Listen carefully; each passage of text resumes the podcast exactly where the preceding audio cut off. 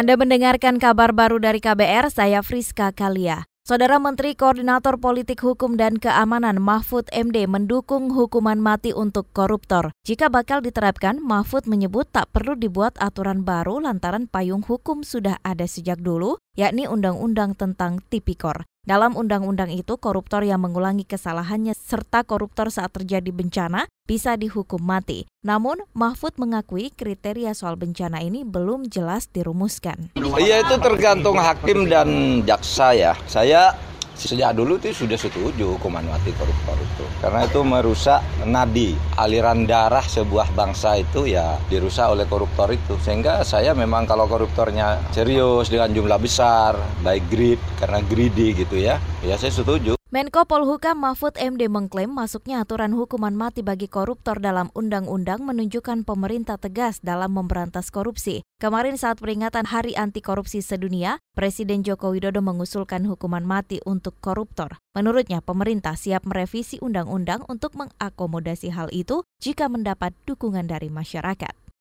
Beralih ke informasi lain, perombakan total direksi Garuda Indonesia diyakini bakal berdampak positif bagi dunia usaha, terutama sektor perhotelan dan pariwisata. Ketua Umum Asosiasi Pengusaha Indonesia atau APindo Haryadi Sukamdani mengatakan pembenahan tata kelola Garuda dan terkendalinya harga tiket pesawat akan memacu peningkatan jumlah wisatawan. Ia memprediksi tingkat hunian hotel bakal naik 55 persen pada tahun depan. Ini perkiraan kami tahun ini mungkin antara 52 persen sampai 53 lah kurang lebihnya. Nah kalau besok tahun depan itu menjadi lebih baik, maka kemungkinan akan kembali ke 55. Tapi jangan lupa 55-nya itu jumlah suplainya banyak loh. Artinya juga ada penambahan jadi nggak bisa di apel to gitu karena ini kan kita selalu bertambah namanya apa supply dari kamar ya terutama yang muncul dari uh, virtual operator maupun juga yang sharing ekonomi yang tidak terdeteksi terregistrasi itu jumlahnya juga besar. Itu tadi Ketua Umum Apindo Haryadi Sukamdani. Kemarin lima Direktur Garuda Indonesia resmi dicopot usai terungkapnya skandal penyelundupan motor mewah. Kelima orang tersebut adalah Direktur Utama Ari Askara, Direktur Teknik dan Layanan Iwan Juniarto, Direktur Kargo Muhammad Iqbal, Direktur Human Capital Heri Akhyar, dan Direktur Operasi Bambang Adi Surya Angkasa. Sementara itu Presiden Joko Widodo meminta pemerintah daerah membantu usaha kecil menengah mendapat kredit untuk mengembangkan usaha. Kata dia, masih banyak pengusaha kecil kesulitan mengakses bantuan modal meski pemerintah telah membuat berbagai program seperti kredit usaha rakyat atau KUR. Buatlah kelompok-kelompok usaha, carikan channel ke perbankan, carikan kur, tapi dalam sebuah kelompok-kelompok yang jumlahnya semakin besar semakin baik. Ini tugas daerah karena banyak masyarakat kita itu nggak tahu bagaimana cara mengakses ke bank.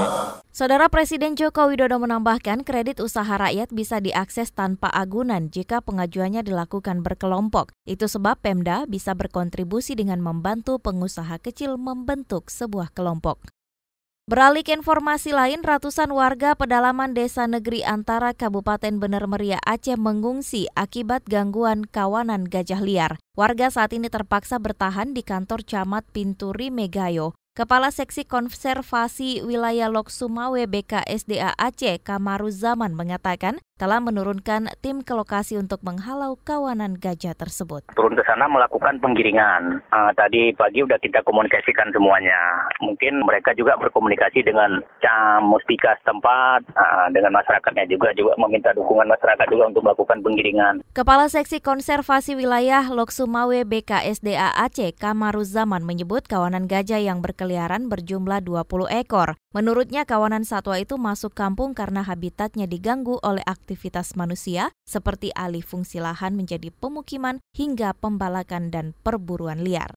Demikian kabar baru dari KBR, saya Friska Kalia.